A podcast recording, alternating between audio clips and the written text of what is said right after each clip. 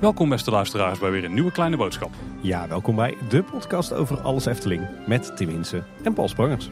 Hey Tim, we zijn neergestreken in het Sprookjesbos. We zitten aan het Routenplein in een mooi zonnetje trouwens. Het, eh, het is hier heerlijk. Het is sowieso de mooiste plek van de Efteling, eh, denk ik. We zitten lekker aan een eh, bakje thee en een bakje koffie. Wel nog die jas aan, maar het zonnetje schijnt. Het is echt uh, heerlijk hier vanochtend. Nou, naarmate de dag voordat wordt het ook wel warmer volgens mij.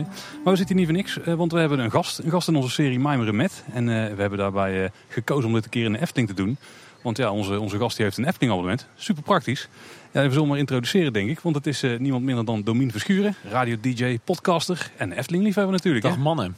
Dag Domien. Eindelijk. We, we zitten hier wel op een bijzondere plek voor jou hè? We zitten naast de plek waar ik een hele zomer heb gewerkt. Ja, naast de Kleine Klaroen. Kijk, dat, dat hebben sommige van onze luisteraars misschien al wel gezien in uh, een hele toffe YouTube-aflevering op het, het Efteling-kanaal. Maar daar gaan we het zo meteen over hebben. Uh, ik kan het bijna niet voorstellen, Domien, maar er zullen misschien luisteraars zijn die jou nog niet kennen. Zou je jezelf eens kort willen voorstellen? Wie ben je eigenlijk en wat doe je? Ja, ik ben Domien Verschuren. Ik ben op het moment van opnemen 35 jaar, geboren in 1988 in Tilburg. Daar komt ook meteen de link met de Efteling vandaan. Want nou ja, je hoort het weinig aan me, maar ik kom uit Brabant. Ik ben een Brabo. En geboren en getogen hier, 18 jaar lang hier gewoond. Toen verhuisd voor eigenlijk de liefde voor radio naar Hilversum. Omdat dat wel moest. Ik ben begonnen in 2006 in de nacht bij 3FM. En uiteindelijk doorgegroeid naar de plek waar ik nu zit bij Q-Music. In Amsterdam, waar ik iedere middag de Q-Music middagshow presenteer. En daarnaast maak ik ook nog podcast met mijn vrienden Bas en Chris onder de noemer Man Man Man, de podcast. Ja, Man Man Man eh, kunnen we tegenwoordig beluisteren bij Podimo. Ja, moet je voor betalen. Maar ik zag wel dat de oude afleveringen volgens mij nog wel uh, gratis Een paar, nee, twee seizoenen staan nog, uh, staan nog online voor, uh, voor Spotify. En de rest is allemaal meegegaan naar achter de betaalmuur tussen ja. aanhalingstekens. Kijk. Maar je kunt een weekje gratis luisteren. Je kunt een maand zelfs. Oh, een maand zelfs. ja, oh, 30 dagen. Kun je alles gewoon downloaden en dan, uh, dan weer opzeggen. Joh. Maakt mij het uit, als je maar luistert. Dan ben je door alle afleveringen heen als ja, je heel erg hard je best doet. Uh, ik, ik, las trouwens wel ergens dat, uh, dat wij ook wel een linkje hebben. Tenminste, ik, ik heb natuurlijk lange tijd in Goorlen gewerkt. En volgens mij is jouw radiocarrière ook in Goorlen begonnen, toch? Zeker, Jan van Bezouwhuis. Ja. ja, daar zat de log. Daar zit de log volgens mij zelfs nog steeds. Ja. De lokale omroep Goorlen. ik ben daar... Ik denk begon in 99 en geëindigd in 2000 door middel van een advertentie in de krant.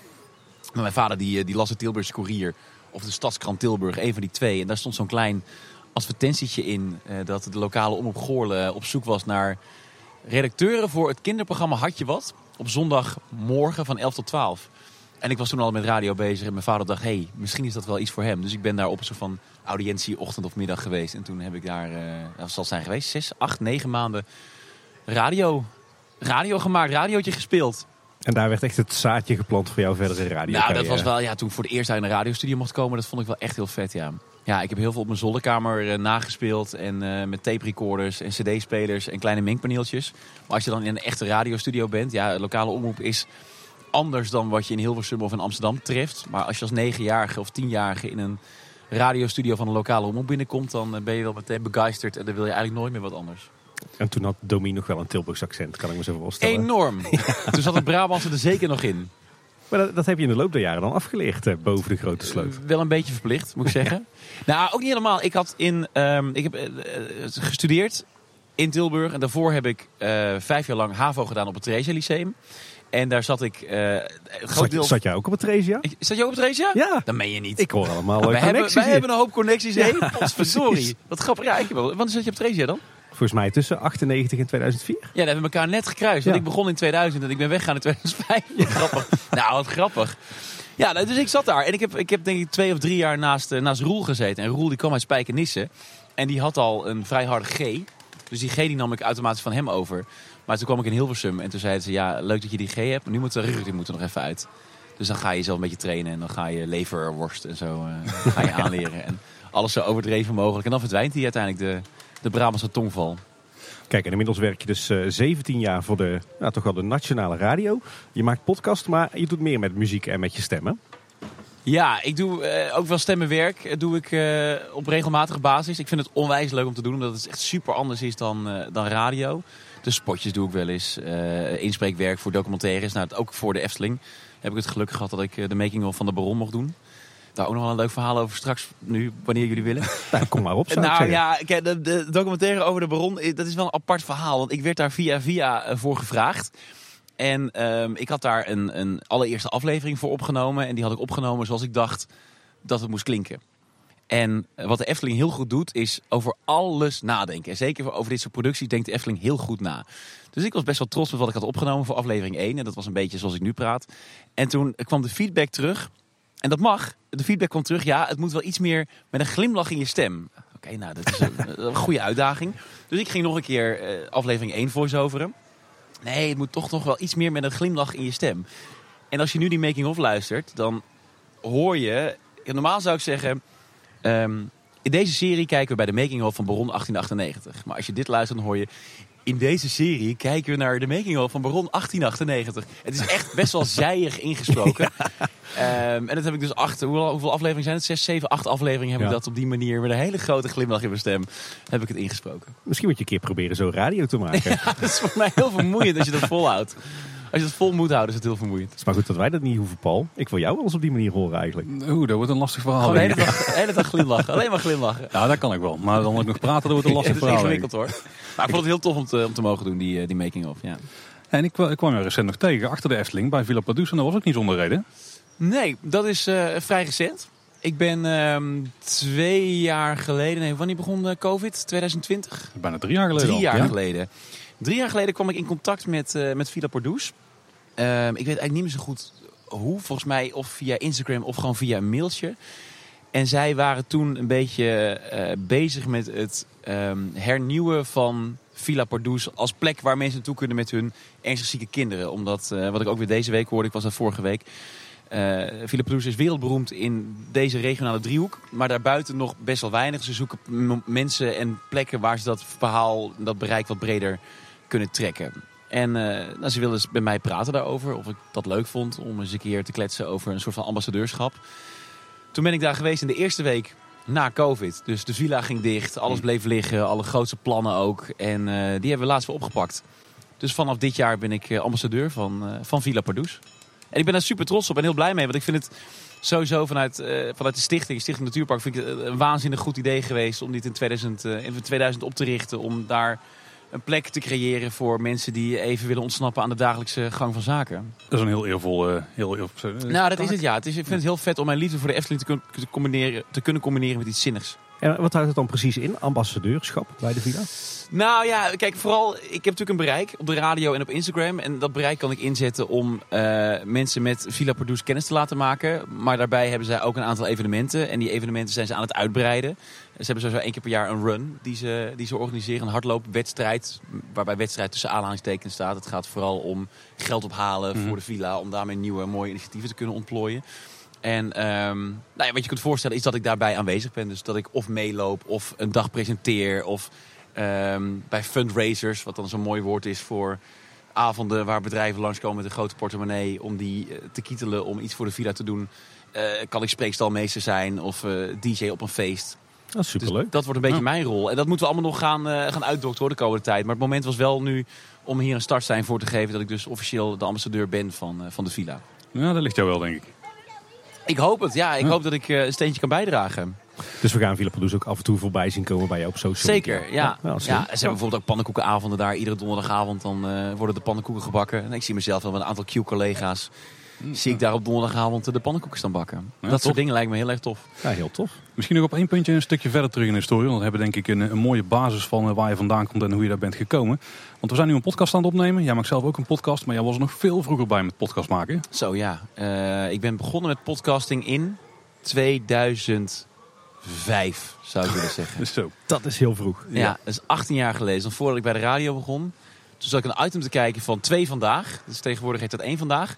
En dat ging over podcasting. En daarin zat Luc Ikink. Nu grote Ja. BN'er voor RTL Boulevard natuurlijk. En die maakte de Spot vanuit de studio van Twikkelstad FM. Ja, ik weet het nog goed, want ik heb het fragment zo vaak teruggezien. En die vertelde over podcasting. Wat toen echt net een paar maanden eerder bedacht was door Adam Curry. En Cornuiten in Amerika. En eh, Luc zei, ja, het is eigenlijk een radioprogramma dat je opneemt. En dat iedereen op zijn eigen tijd kan beluisteren. En toen dacht ik, maar dat is lachen. Ik heb een eigen studiootje en eh, ik heb wel wat tijd. Dus laat ik dit maar eens gaan doen. Dus ik ben toen Coolcast gaan maken. Wat eigenlijk een Ja, het was een slap aftreksel van alles dat op dat moment op 3FM gebeurde. Alles wat Giel deed vond ik te gek. Alles wat Koen Zwijnenberg deed vond ik te gek. Nou, dat ging ik een beetje nadoen. Met flauwe belletjes en stemmetjes. En ik luister nog wel eens terug op uh, agenda luwe dagen, zeg maar. Ja. Gewoon eens te kijken wat ik toen de tijd deed. Of er nog iets in zit wat ik eventueel voor nu kan gebruiken. Ik kan niks voor nu gebruiken. Het is echt, nee. Maar, maar dat was dan denk ik wel ook een beetje jouw ingang richting 3FM, toch? Ja, dat is eh, letterlijk de ingang richting 3FM geweest. Ik maakte die podcast en ja, heel technisch verhaal. Er luisterde echt, eh, nou geen kip, er luisterde echt niemand. Er luisterde denk ik 50, misschien 100 mensen, dat was het. En het waren eigenlijk allemaal ook, ik denk dat de helft ook zelf podcastmaker was. Dus het was een heel klein milieutje, heel klein ecosysteem waar we met z'n allen een beetje podcastjes in maakten. En we hadden het ook alleen maar over elkaar in die podcast. Als ik dat nu terugluister, denk ik, wie was het ook alweer en waar gaat dit over? En he- hele drama speelde zich ook af. En op een gegeven moment kwamen mensen erachter dat als je, volgens mij was het zo, als je een podcast aanzette, een andere eh, daarna aanzette en dan weer mij aanzette, dan geldt dat als één luisterbeurt. Dus tak, tak, tak, tak, tak, tak. Dat liep steeds verder op. Dus stop, start, stop, start, stop, start was steeds één luisteraar, dacht iTunes. En als je dat 150 keer deed, dan werd je de nummer 1 van iTunes. Ah. En dat viel toen via via op bij Rob Stenders. Die toen Kicks Radio had. Dat was zijn talentenstation. En toen kreeg ik een mailtje van zijn rechterhand of ik eens een keer eh, wilde komen praten. Nou, vanaf dat moment is eigenlijk het balletje gaan rollen. Dus de podcasting is echt, ja, ik heb alles te danken, kan ik wel zeggen, aan, aan podcasting. Ja, en, en wij hebben weer veel te danken aan podcastpioniers zoals jij natuurlijk. Ik heb het heel graag gedaan. Met heel veel liefde en, het- schaamte inmiddels. Nu is het al zo dat wij natuurlijk regelmatig in de Efteling opnemen. En eh, dat we natuurlijk ook eh eh, Ochtend Pretparkland hadden, of toen nog Parkkast. Maar ik begreep dat dat misschien niet de allereerste podcast vanuit de Efteling was. Ik eh, heb volgens mij ooit wel eens een keer echt een stuk... Ik weet zeker dat ik hier heb opgenomen. Ehm, in de zomer dat ik hier werkte. Dat was dus de zomer van 2005. En dan ging ik eh, eerst of op de fiets een stuk opnemen. Dus onderweg naar de Efteling. En dan doelloos voor me uitlullen. dat zijn dus afleveringen van ik denk... Ja, waar haal je het vandaan? En waar, wat, wat zeg je allemaal? Drie kwartier, hè? Drie kwartier eh, was ik aan het lullen over helemaal niks. En toen kwam ik hier en dacht ik... Ja, ga ik eerst even werken. En dan ga ik daarna weer het park in. En loop ik nog even een rondje. En dan ga ik dus vertellen wat ik zie of wat ik heb meegemaakt op mijn werk. Maar ja, eh, toen was ik 17, 17 en de schaamte was groot. En je had nog niet de apparatuur waarmee je nu heel makkelijk iets kunt opnemen. Dus je liep dan met hele gekke microfoontjes liep je rond. En ik vond het altijd zo gênant dat ik uiteindelijk maar dacht... weet je wat, ik hou wel een soort van smartphone... een van de allereerste smartphones tegen mijn oor aan. En dan ga ik doen alsof ik aan het bellen ben met iemand. En dan vertel ik wat ik hier zie en wat ik heb meegemaakt. Maar ik weet dus niet of het ooit de podcast ook echt heeft gehaald. Maar het was, het was wel een soort kleine boodschap avant la lettre dus eigenlijk. Dat was het absoluut niet. nee, nee, dat was het absoluut niet. Nee, het was, ik kan me ook nog wel herinneren dat ik een soort van telefoongesprekachtige dingen opnam. Dus echt deed alsof er iemand aan de andere kant van de telefoon hing. Dus dan bleef ik even stil en zei ik, ja precies, dus je kunt je wel voorstellen dat.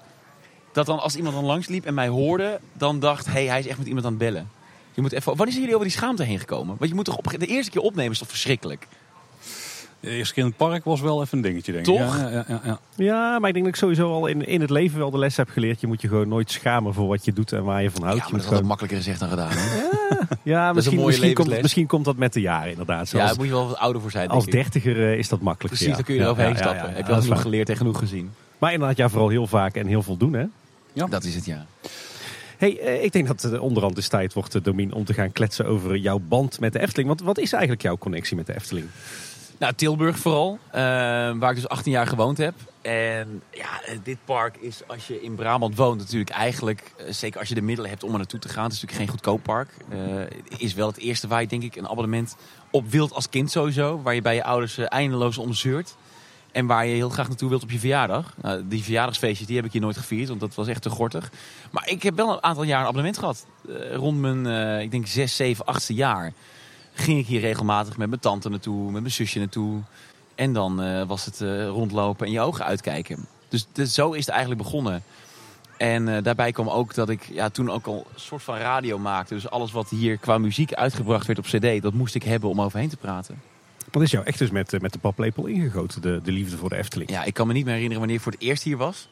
Maar ik kan me nog wel echt de opwinding herinneren over de opening van Villa Volta en Vogelrok. Dus nou ja, Volta was 96? Ja. Vogelrok 98? Ja, heel Ja, goed. dat was ik dus 8 en 10 jaar, ja. Weet je nog wat specifiek eh, hetgeen was wat je aantrok aan de Efteling? Was het het feit dat het er gewoon was? Nee, de magie. Dat is echt, ja, ik vind... eh, dat is natuurlijk ook wat radio is. En, en het is eigenlijk ergens helemaal niet te vergelijken, maar tegelijkertijd ook weer wel. Natuurlijk alles wat je hier ziet is, is gebouwd op verwondering en is bedoeld om je eh, even weg te halen uit eh, het dagelijks leven en je dagelijkse sleur. En dat is radio op een andere manier ook. We kunnen natuurlijk bij radio met, eh, met geluiden kunnen we een, een heel theater bouwen en een, een werkelijkheid maken. En dat heeft mij altijd aan radio enorm getrokken. Dat ik in een studiootje zit, of de DJ in een studiootje zit, eh, en praat tegen niemand eigenlijk. Tegen, in mijn geval heel lang tegen een witte muur van mijn slaapkamer. En dat daar de mensen naar luisteren. Ja, ik vind dat de magie van radio. En ik vind het hier de magie dat alles opgebouwd is om mensen een dag mee te nemen in een, in een verhaal, in een verwondering. Iets wat ze in het dagelijks leven niet zouden meemaken. Nee, je loopt natuurlijk in het dagelijks leven tegen een hele hoop, hele hoop shit aan. En eh, persoonlijke problemen, problemen van je collega's, van vrienden en familie. En, en dat vind ik dus ook zo mooi aan mijn, tussen aanhalingstekens, werk voor Villa Pardoes. Dat als je hier bent en als je dus eh, leeft met een ernstig ziek kind... dat broertjes en zusjes en ook het kind in kwestie hier alles even kunnen vergeten. Ja, dus Hier in het park, maar ook in de villa zelf. ja, dus je zou echt kunnen zeggen dat het echt dat escapisme is, zeg maar, de, de gemene deler van dat alles. het escapisme, dat is wel... eh, kijk, natuurlijk is radio, weet je, ik heb het op de radio tegenwoordig eh, ook over de waan van de dag en het nieuws. Maar ik hoop wel dat ik nog steeds een radioprogramma maak waarbij mensen om vier uur of om vijf uur in de auto stappen. En even een half uurtje of kunnen lachen of iets horen dat ze nog niet wisten. Of in ieder geval niet bezig zijn met, oh ik moet nog een half uur naar huis rijden. Oh wat was dit een zware dag. Maar dat ze de radio aanzetten en dan ehm, even vergeten wat voor dag het was. En dan daarna, dan begint het leven weer. Net zoals als je het park uitloopt, dat je nog even nagloeit en daarna begint het leven weer. Ja, het is echt even lekker afschakelen. Ja. Volgens mij hebben we het al vaker eh, opgemerkt. Maar er zijn best wel veel mensen die bij de radio werken. Die echt wel die fascinatie hebben voor pretparken. Ja, dat is bijzonder hè? Ja. Want eh, we kennen jou, we kennen eh, Rob natuurlijk. Maar ook jouw collega Menno. Ja, eh, groot pretparkliefhebber. Ja, Thomas van Groningen uiteraard. Michiel Veenstra. Oh, ook ja. Zo. Ja, er zit een enorme link tussen radio en, en pretparken op een of andere manier. Maar ik denk dat het wel echt te maken heeft met, met escapisme en met ehm, ehm, de magie en het willen vertellen van een verhaal. Ik denk dat, dat, dat daar een enorme overlap zit. Is er stiekem niet een club van eh, radiomakers die van pretparken houden, die onderling allemaal zitten te We whatsappen? hebben dus geen gezamenlijke appgroep. Kan niet. Gemiste ik kans. nu. Dat is eigenlijk best wel gek. nou ja, ik was vorige week, nee twee weken terug, was het, eh, het ANWB Ledendag weekend. En eh, ik heb het verhaal ook op de radio verteld, dus mochten mensen het herkennen, die kent het misschien daarvan. Eh, ik was dat weekend jarig en ik eh, wilde heel graag nou, gewoon in mijn eentje even een dagje weg. Eh, ik had geen plannen behalve lunchen met mijn moeder, die woont nog steeds in Tilburg. Dus ik dacht, weet je wat, dan ga ik van 11 tot 1 ga ik voor het eerst in mijn eentje met mijn abonnementje dat ik sinds november heb, ga ik een rondje lopen en eh, even naar Krumel. Even wat eten. Naar Fata Morgana, mijn lievelings. En dan eh, ga ik daarna naar, naar, mijn moeder. Nou, dat is best, voor mij is dat best wel een, een stap om te nemen. Want in mijn eentje door zo'n pretpark lopen, ik, ik weet nog niet helemaal wat ik daarvan vind. Dus ik kom hier en denk, god, is die druk. En ik kom bij de ingang. En het blijkt AWB ledendag te zijn, dus blokdag van je abonnement. Nou, dat weten jullie natuurlijk. Ai. Jullie doen dit al langer dan ik. Beginnersfoutje. Beginnersfout. Nou, dus ik vertel dit verhaal maandag op de radio om 4 uur. En ik krijg in de Q-app berichten van mensen die zeggen... hey, dit is het verhaal van Menno Barreveld. Die vertelde dit vanmiddag ook al. dus ik denk, wat de f***? En ik luister even terug. En hij heeft om kwart over twaalf exact dit verhaal verteld. Dat hij met zijn vriendin naar de Efteling reed. Op zondag. Mijn zon, want ik er ook was. En hij wordt bij de parkeerplaats door een heel aardige jongen tegengehouden. Meneer, bent u abonneehouder? Want u mag er niet in vandaag. Dus als we een appgroep hadden gehad... Dan had Menno kunnen zeggen, hey, ik ga vandaag even kijken. En dan had iemand waarschijnlijk kunnen zeggen, nou, doe maar niet, dat is een blokdag. Hoop leuk te kunnen besparen. Ja. Maar goed idee, ik ga dat zo meteen eens even opperen bij, eh, bij alle, alle radiocollega's. Om een gezamenlijke appgroep op te richten. Daar zit toch een, een connectie tussen jullie Ja, allemaal. zeker. Hey, nou, nog even terug naar, jou, naar jouw kinderjaren. Weet je nog wie eigenlijk de aanstichter was? Waren het jouw ouders die jou voor het eerst meenamen naar de Efteling? Of je tante had het al, had je het al Nee, over? ik, mijn, mijn ouders niet. Denk, ik ik denk dat het mijn tante is geweest. Mijn tante Wil. Eh, dat was een soort van surrogaatmoeder. Eh, zo noemt mijn moeder haar ook. Zij is niet meer onder ons helaas. Maar ehm, eh, ja, zij was mijn allerbeste vriendin. Ik ging daar iedere zaterdagavond ging ik daar broodjes rosbief eten. En met groentesoep. En dan bleef ik slapen. Dan keken we samen de Droomshow. En de eerste seizoenen van Wie is de Mol. En, en zij was wel degene die dan op zondag eh, mijn zusje en mij meenam uit fietsen naar de speeltuin. En dus ook naar de Efteling. Dus ik denk, ja, ik durf het niet. Nou, ik, ja, ik denk wel dat mijn, dat mijn tante wel de reden is geweest dat ik uiteindelijk een abonnement had. Of dat we een abonnement hadden op de Efteling. Ik weet nog precies wat abonnement lag in haar la ook. in haar woning. Het was een hele grote, zo'n hele grote tv-kast. En dan linksonder daar lag een mapje met allemaal pasjes van de AWB en weet ik veel wat. En daar lag ook het Efteling-pasje. Dat zal ik zo'n eh, grote geplastificeerde zijn geweest, denk ja, ik. Ja. exact. Waar allemaal heel handig zo die pasjes ingestoken konden worden. Tante Wilde, klinkt dus zo heerlijk Brabants. ja. Hey, weet je eigenlijk ook nog wat je allereerste Efteling herinnering was? Nee, ik denk het niet. Ik denk het niet. Ik weet wel, er is een foto eh, van mijn zusje en van mij. Ehm, en da- daarvan weet ik ook dat het- wat het verhaal erachter is. Dat ik met mijn oor op een paddenstoel lig. Die heb ik vorig jaar ook op Instagram gedeeld. Toen ik mijn verjaardag hier mocht vieren in de Efteling. Ehm, en, en wat ik van mijn ouders weet is dat ik van paddenstoel naar paddenstoel rende om te kijken of de speakers het overal deden. Alle paddenstoelen die moesten muziek hebben, anders dan ging het niet goed. Dus dat, en toen was ik denk ik een jaar of... Nou, mijn zusje kon al lopen, dus dat is al eh, twee, drie... Ik denk dat ik een jaar of zes, zeven was, zoiets. Dus dat kan me nog wel herinneren, dat ik in het Sprookjesbos rondliep om al die paddenstoelen te testen. En toen dacht je, als het nou eentje niet werkt, dan stuur ik dan een kleine boodschap voor Tim zijn onderuit. Precies, ga ik even een mailtje sturen. Ja. Wederom, eh, kleine boodschap af van de toen al, hè? Ja, ja. Hey, en dan eh, word je op een gegeven moment eh, tiener, dan ga je naar het, Tresia. En dan, eh, dan is Tresia. het Tresia. Ja, ja. En dan is voor veel mensen, is, voor veel tieners wordt de Efteling eh, eh, ja, toch een beetje, hè, dat is voor, voor kleine kinderen. Was, was dat bij jou ook zo? Kwam er ook een dipje in je Efteling liefde of bleef je wel die Efteling Nee, ik ben al jaren minder geweest. Eh, maar ja, ook gewoon ja, gaat je daar bezighouden met andere dingen. En ehm, ik ging ook wat meer bezighouden met radio. En dus inderdaad met internetradio. Dus ik zat vooral veel op mijn zolderkamer. En ik denk dat de liefde weer is opgebloeid toen ik hier kwam werken. Want ik weet nog wel dat eh, ik ben hier met mijn vrienden Bob, Jasper, Bram en Roel gaan werken. Met z'n vijven. En eh, dat eh, Bob op een gegeven moment met een volletje op school kwam. De Efteling was natuurlijk heel druk in de buurt. eh, Flyers neerzetten van hey, eh, ben je 16 jaar, kom werken in de Efteling. Toen waren wij 15. Hij kwam met dat volletje aan. Eh, en toen zei hij, we moeten, hier, we moeten hier solliciteren. We hebben een mail gestuurd naar de Efteling met hallo, wij zijn 15, mogen we toch komen werken? Toen zei de Efteling nee, maar volgend jaar dan sturen we nog even een mail eh, dat jullie meer dan welkom zijn. Ik weet niet of die mail gestuurd is, maar ik weet wel dat we toen we 16 werden met z'n allen meteen hier op zo'n selectieachtige dag zijn geweest eh, voor de uitleg eh, om hier weer te komen werken. En, toen dan, is het weer echt begonnen. en dat was dan ook in die hoop om een steentje bij te dragen aan de magie in het park. Ja, dat is toch wat je hoopt. Ja. Nou kijk, je hoopt eigenlijk dat je hoopt, je hoopt eigenlijk dat je, dat je, komt, dat je mag kijken met de bouwlampen aan bij Droomvlucht. Ja. Eh, die hoop hebben we ook nog steeds overigens. Ja, maar- de, de praktijk eh, leert wat anders. Want eh, ja, je moet, ook- er moet op zoveel plekken moeten er mensen, zijn er mensen die, eh, die nodig zijn om hier te werken. Dat ja, de, de allermooiste plekken krijg je natuurlijk niet automatisch. Nee.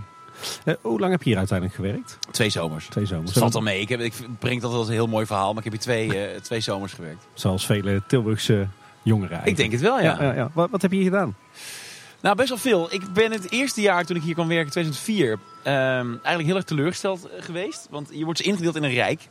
En eh, binnen dat rijk word je gerouleerd. En, en als je mazzel hebt, nou, dan kom je in een rijk waar heel veel attracties zijn. En heb je wat meer pech, zoals ik, dan kom je in het rijk waar eh, het personeelsrestaurant staat. Dus ik heb eigenlijk mijn hele 2004 zomer gewerkt in het personeelsrestaurant. Eh, dat vond ik gewoon heel eerlijk, niet omdat het personeelsrestaurant ongezellig is of de mensen vervelend zijn. Maar ik wilde hier werken in de magie.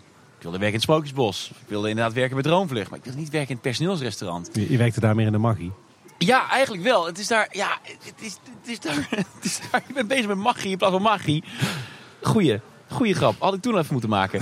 Eh, want je probeert dan eh, tegen het planbureau probeer je dan eh, aan te houden van... Hey, kan het anders? Dat kan niet, want het is zo'n enorme klus om al die mensen op de juiste plekken te krijgen. Dus ja, Domien Verschuren van 16, die moet maar lekker personeelsrestaurant werken. Nou goed, vond ik uiteindelijk hartstikke leuk. Ik heb daar mijn plek geclaimd in de spoelkeuken. Want daar stond de radio lekker hard aan. Dus daar heb ik eh, de hele zomer naar Noord CFM geluisterd. Weet ik nog goed. Daar had je niks, eh, niks op in te brengen, denk ik. Nee, dat was wel echt wat het was. Dat Ai. was echt wat het was. En toen heb ik wel nog eh, twee keer geloof ik op de carousel mogen meedraaien. Natuurlijk hetzelfde, hetzelfde pand is. En nou ja, toen een jaar later eh, gingen we met z'n vijf weer bij elkaar zitten. Hey, gaan we hier weer werken? Zeg ik, ja, wil ik wel. Maar ik ga wel even een mail sturen. Dus heb ik een mailtje gestuurd met, hey, ik zou het leuk vinden om wat meer in het park te staan. En toen eh, kreeg ik dus nou, deze prachtige locatie toegewezen als mijn basisplek, de Kleine Klaroen. En eh, werd ik eh, ook uitgezonden naar... ik heb een dag in Droomvlucht meegedraaid. Ik heb Sprookjesbos mogen doen, een paar dagen. Dus vuil ophalen en prikken en weghalen en zo. Ja, dat vond ik wel echt, echt heel vet. Ik vond dat super tof. Super tof jaar om hier gewerkt te hebben. En voor, voor luisteraars die niet het, het geluk hebben om ooit eens bij de Efteling gewerkt te hebben als vakantiekracht of als vaste kracht. Hoe, is dat nou om bij de Efteling te werken?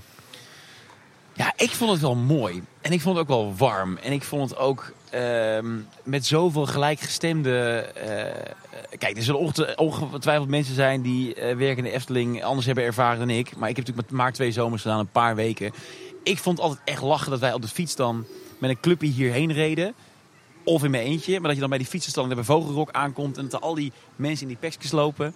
En dan loop je samen het park in. En dan op het moment dat je het park loopt, gaat de ene kant gaat links op, de andere kant gaat rechts op. En dat je weet, oké, we gaan hier vandaag het park openen en eh, we gaan mensen een mooie dag geven. En aan het eind van de dag, als het park dicht was, dat je met z'n allen nog even een rondje doet. Ja, ik vond het altijd wel leuk. En mensen allemaal heel super aardig. Van iedereen ook, alle, zeg maar, alle seniors, alle mensen die je begeleiden.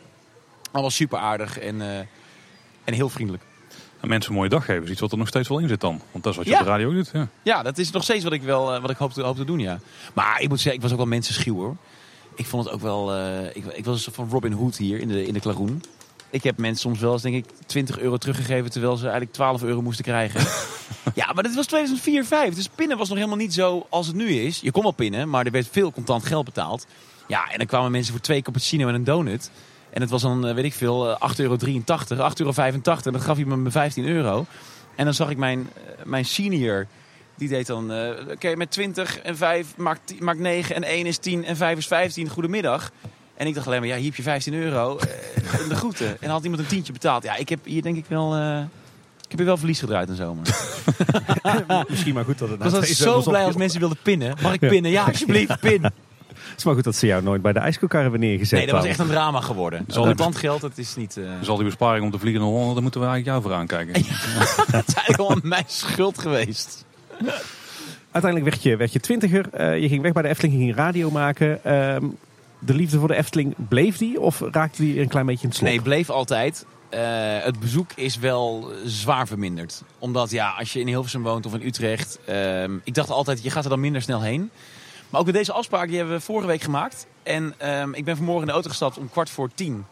En ik parkeer hier om kwart voor elf. En ik luister een podcastje onderweg. Ik heb het idee dat ik 30 minuten gereden heb. Nou werkt het weer vandaag wel mee. Het is prachtig weer. Het is zonnig, strak blauwe lucht. Dus dat werkt ook wel mee op een dinsdagmorgen als er geen files staan. Dus ik heb heel lang gedacht, eh, onterecht, het is ver rijden. Ik moet het niet doen, ik moet geen abonnement nemen. Maar ik heb altijd alles gevolgd. eh, via podcast, via jullie, eh, via websites. En ehm, eigenlijk kwam het, het idee dat ik weer wat vaker wilde komen. Afgelopen jaar toen ik naar Team luisterde. En Thomas en Maries opnamen in de pagode. En beschreven op ook zo'n dag, maar dan in de herfst, hoe de Efteling eruit ziet. Ja, en ik vind dit soort dagen in de lente fantastisch. Maar eh, een, een, een zonnige dag, eigenlijk zo'n nazomerdag in de herfst... Is, daar is eigenlijk dit park natuurlijk gewoon... Daar is dit park voor bedoeld. Dat de bomen nog niet helemaal kaal zijn, maar rode blaadjes hebben. En dat je dan de, de pagode ingaat en het park van bovenaf ziet. Zij beschreven dat zo mooi dat ik dacht, dit is de dag. Dit is de dag, ik moet nu een abonnement gaan, eh, gaan kopen. Dat was voor jou ook echt de directe aanleiding om te zeggen... ik ga Dat nu is de een abonnement geweest, aanschaffen. ja. ja. Tot die tijd kwam ik er één keer, hooguit twee keer per jaar. En dat is eigenlijk voor een fan is dat veel te weinig. Nou, weet ik niet. We hebben heel veel luisteraars die bijvoorbeeld aan de andere kant van het land wonen... of zelfs Ja. in het buitenland. En die zeggen, ja, ik voel me echt Efteling-liefhebber... en ik kom maar één keer in de vijf jaar. Ja, nee, is ook prima. Ik begrijp het ook helemaal. En liefhebber ben je volgens mij ook buiten het park om. Misschien wel nog meer buiten het park om dan dat je in het park bent. Want ik denk dat heel veel mensen hier een dagje park hebben. Misschien wel één, twee keer per jaar het park uitlopen. En ook weer vergeten dat ze eh, meer over de Efteling kunnen leren of weten dan wat er in het park zelf gebeurt. Dus nee, ik ben, een, eh, ik ben meer een off-park liefhebber dan een in-park liefhebber, denk ik. Meer voor het, eh, het gevoel Efteling dan puur het Ja, park. het gevoel, eh, daar ben ik op geabonneerd. Ja. Mooi is dat. Ja. Je hebt in ieder geval een poging om, om alleen naar het park te gaan. Want dat is nog niet gelukt volgens mij. Nou ja, het, wel, want een week later toen eh, mocht ik dus naar Villa Pardoes. En toen ehm, eh, kreeg ik het aanbod van de villa om via hun ingang nog even een rondje te lopen. Dus ik heb het inmiddels wel, ik heb het gedaan. Vorige week. Hoe voelde dat? Ja jongens, hoe voelde dat? Eh,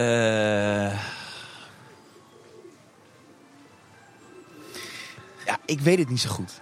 Ik weet het gewoon niet zo goed. Omdat, ik- ja, ik weet niet of het komt omdat ik ben wie ik ben. En dat ik gewoon altijd wel een soort van eh, zelfbewustzijn heb. eh, dat me af en toe ook in de weg kan zitten. Dat ik denk, oh, mensen kijken naar me, want dan loopt een jongen in zijn eentje. Of dat het echt is dat je een parkbeleving ook het liefst wilt delen met iemand. Ik hink een beetje op allebei de gedachten. Dus ik denk dat het ergens in het, midden, in het midden zit. Dat ik daarom me niet helemaal zo lang voelde. Maar het was ook zo'n dag. Ook hartstikke lekker weer. Eh, ik heb lekker bij Krumel heb ik een broodje zitten eten, een kop koffie gedronken. En toen dacht ik, ik wil nu ook wel een attractie doen. Dus ik ben naar Fata Morgana gelopen. En eh, dinsdagmorgen in de Efteling is er niks te doen. En vandaag ook, er is echt niemand. En dat is, eh, dat is geweldig, buiten de vakanties om. Dus eh, er was ook niemand in Fata Morgana, behalve voor mij. Voor mij in de wachtrij, die geen wachtrij was, stonden acht, negen jongens van een jaar of twintig. Nou, hoeveel mensen kunnen er in een bootje van Fata? 16? 16, precies. Ja, dan moet je wel proppen hoor. Nou, oké, laten we zeggen 12. 12 er kunnen 12 Ja, personen ja, in. Nou, er stonden 9, 8, 9 jongens achter mij, eh, voor mij. Die gingen in de bootje. Toen dacht ik, ja, er staat niemand meer achter mij. Eh, ik ben in principe, kan ik een van deze jongens worden. Wat ga ik doen? Ga ik als enige aansluiten bij deze groep? Of ga ik in mijn eentje in een bootje zitten? Ik vond allebei vond ik een beetje kiezen tussen twee kwaden. Eh, en toen heb ik toch een paar stappen naar achteren gezet. En eh zodat de medewerker van de Vata zag, nou, dit, deze, hij hoort niet bij hen. Eh, en toen werd ik in mijn eentje in een bootje gezet. En toen zat ik daar. Dan je dat stukje hè, op die draaischijf, dat iedereen je een beetje kan zien. Dan voelde ik weer mezelf bekeken. Door niemand, was nog niemand in die wachtrij. Ik vond enorm bekeken. Maar toen vaarde ik, voer vier vaarden, Vata in. En toen overviel me wel een soort van, een soort van geluksgevoel. Want Vata lag er goed bij. Je hebt dan dus niet wat je wel eens een keer op drukke vakantiedagen hebt. Toch het gekakel van al die boten om je heen. Ik zat daar in mijn eentje in een bootje. Ik kon alles in me opnemen. Ik kon alles weer eens een keer goed horen. Dat ik, oh, dit is wel... Het is dinsdagmorgen. Ik moet zo nog werken. En kan nu nog even een, dagje, even een ochtendje park pakken. Ja, ik werd daar wel blij van. De rest, van de, dag, eh, de rest van de dag met een big smile. ja, dat is gezicht. wel, ja, het doet wel iets met je. Nou, ik moet zeggen, ik vond alleen naar de Efteling gaan vond ik vroeger ook altijd eh, heel ongemakkelijk. Zeker als tiener, twintiger, wanneer je heel erg bezig bent met wat vindt iemand anders van mij. Maar het is een kwestie van een paar keer doen. Ja, dat is doen, en het is de normaalste zaak van de wereld. Ja, dat is het. Dat is het. Je moet toch, ja, hetzelfde als opnemen in de Efteling. Je moet toch over die, ja, die semi-schaamte heen. Je hebt wel de juiste keuze gemaakt. Alleen een bootje Vata is toch ook wel goud. Ja, hè? Ik, eh, beter dan met acht, eh, acht gasten van 20. Ja, waarschijnlijk wel ja. Die waarschijnlijk overal doorheen kakelen. Dat denk Ja. ik wel. Hoe- Hoe is het eigenlijk, misschien een stomme vraag, maar ik ben er wel benieuwd naar. Hoe is het eigenlijk om als ja, toch wel BN'er Efteling-fan te zijn? Eh, nou ja, kijk, ik vind het vooral heel leuk dat ik... ehm, ja, BN'er. Ik vind BN'er altijd een beetje een moeilijke term, omdat ik... Een publiek figuur. Ja, daarop dat is al een lekker woord. Publiekfiguur, dat vind ik al een lekker woord. Ja, ik vind bekende Nederlanders zo'n woord met een smaakje. Ehm, nou ja, dat heeft best wel. Het heeft gewoon ook heel veel voordelen. Het heeft eigenlijk alleen maar voordelen, moet ik heel eerlijk zeggen. Ik heb afgelopen. eh, nee, vorig jaar heb ik mijn verjaardag hier mogen vieren.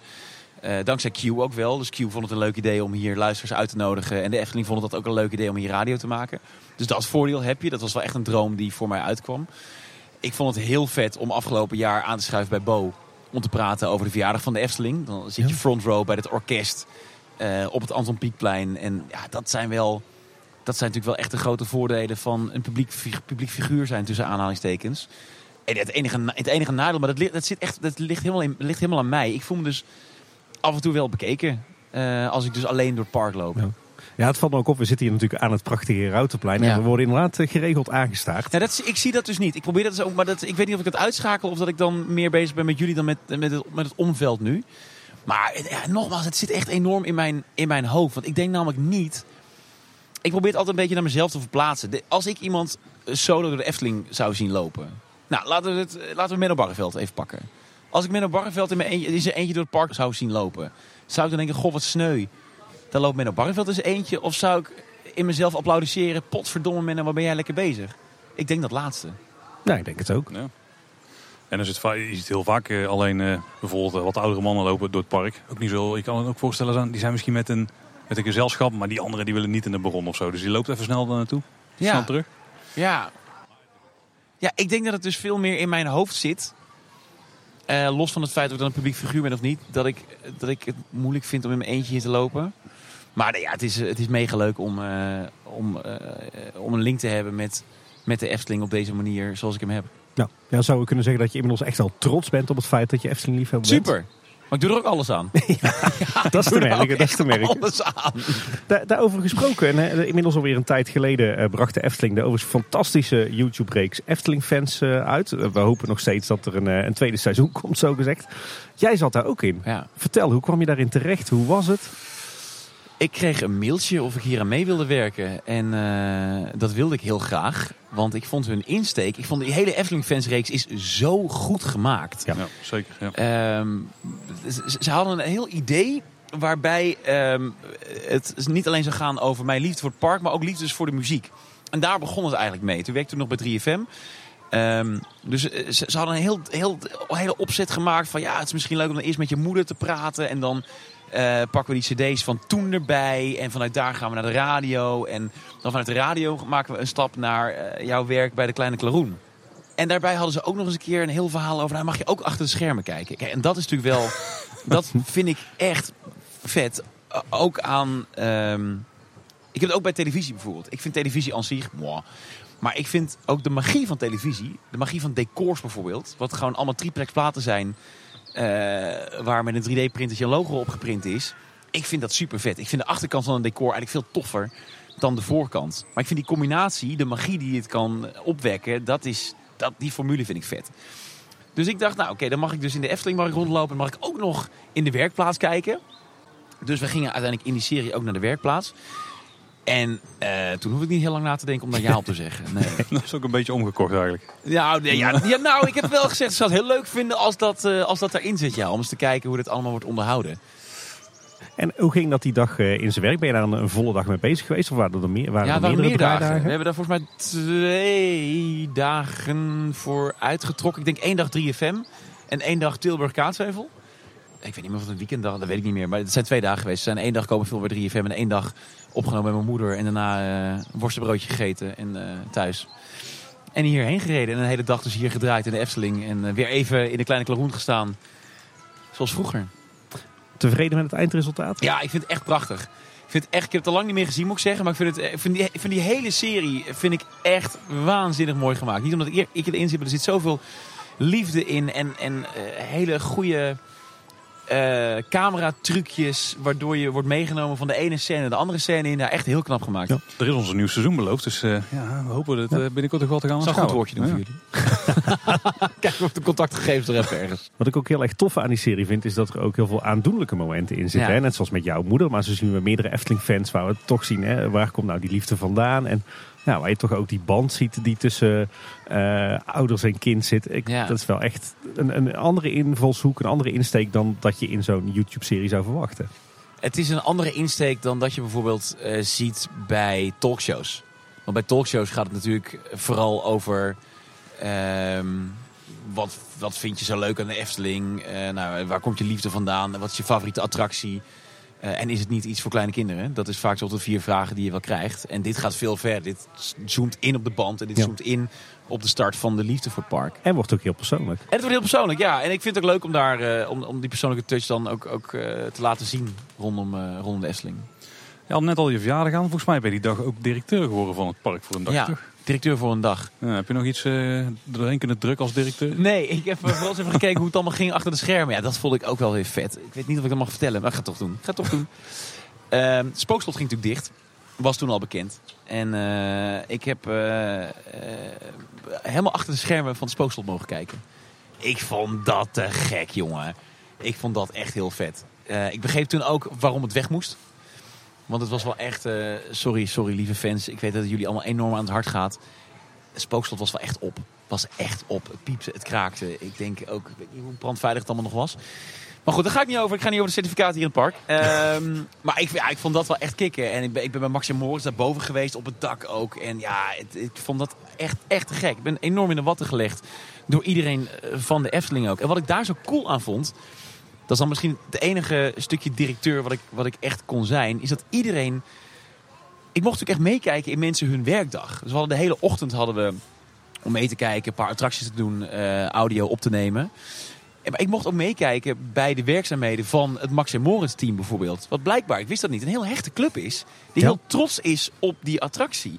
Die staan daar niet omdat ze roleren. Nee, die, die starten daar iedere dag de, de achtbaan op. Die testen hem, die kijken of hij er goed bij ligt.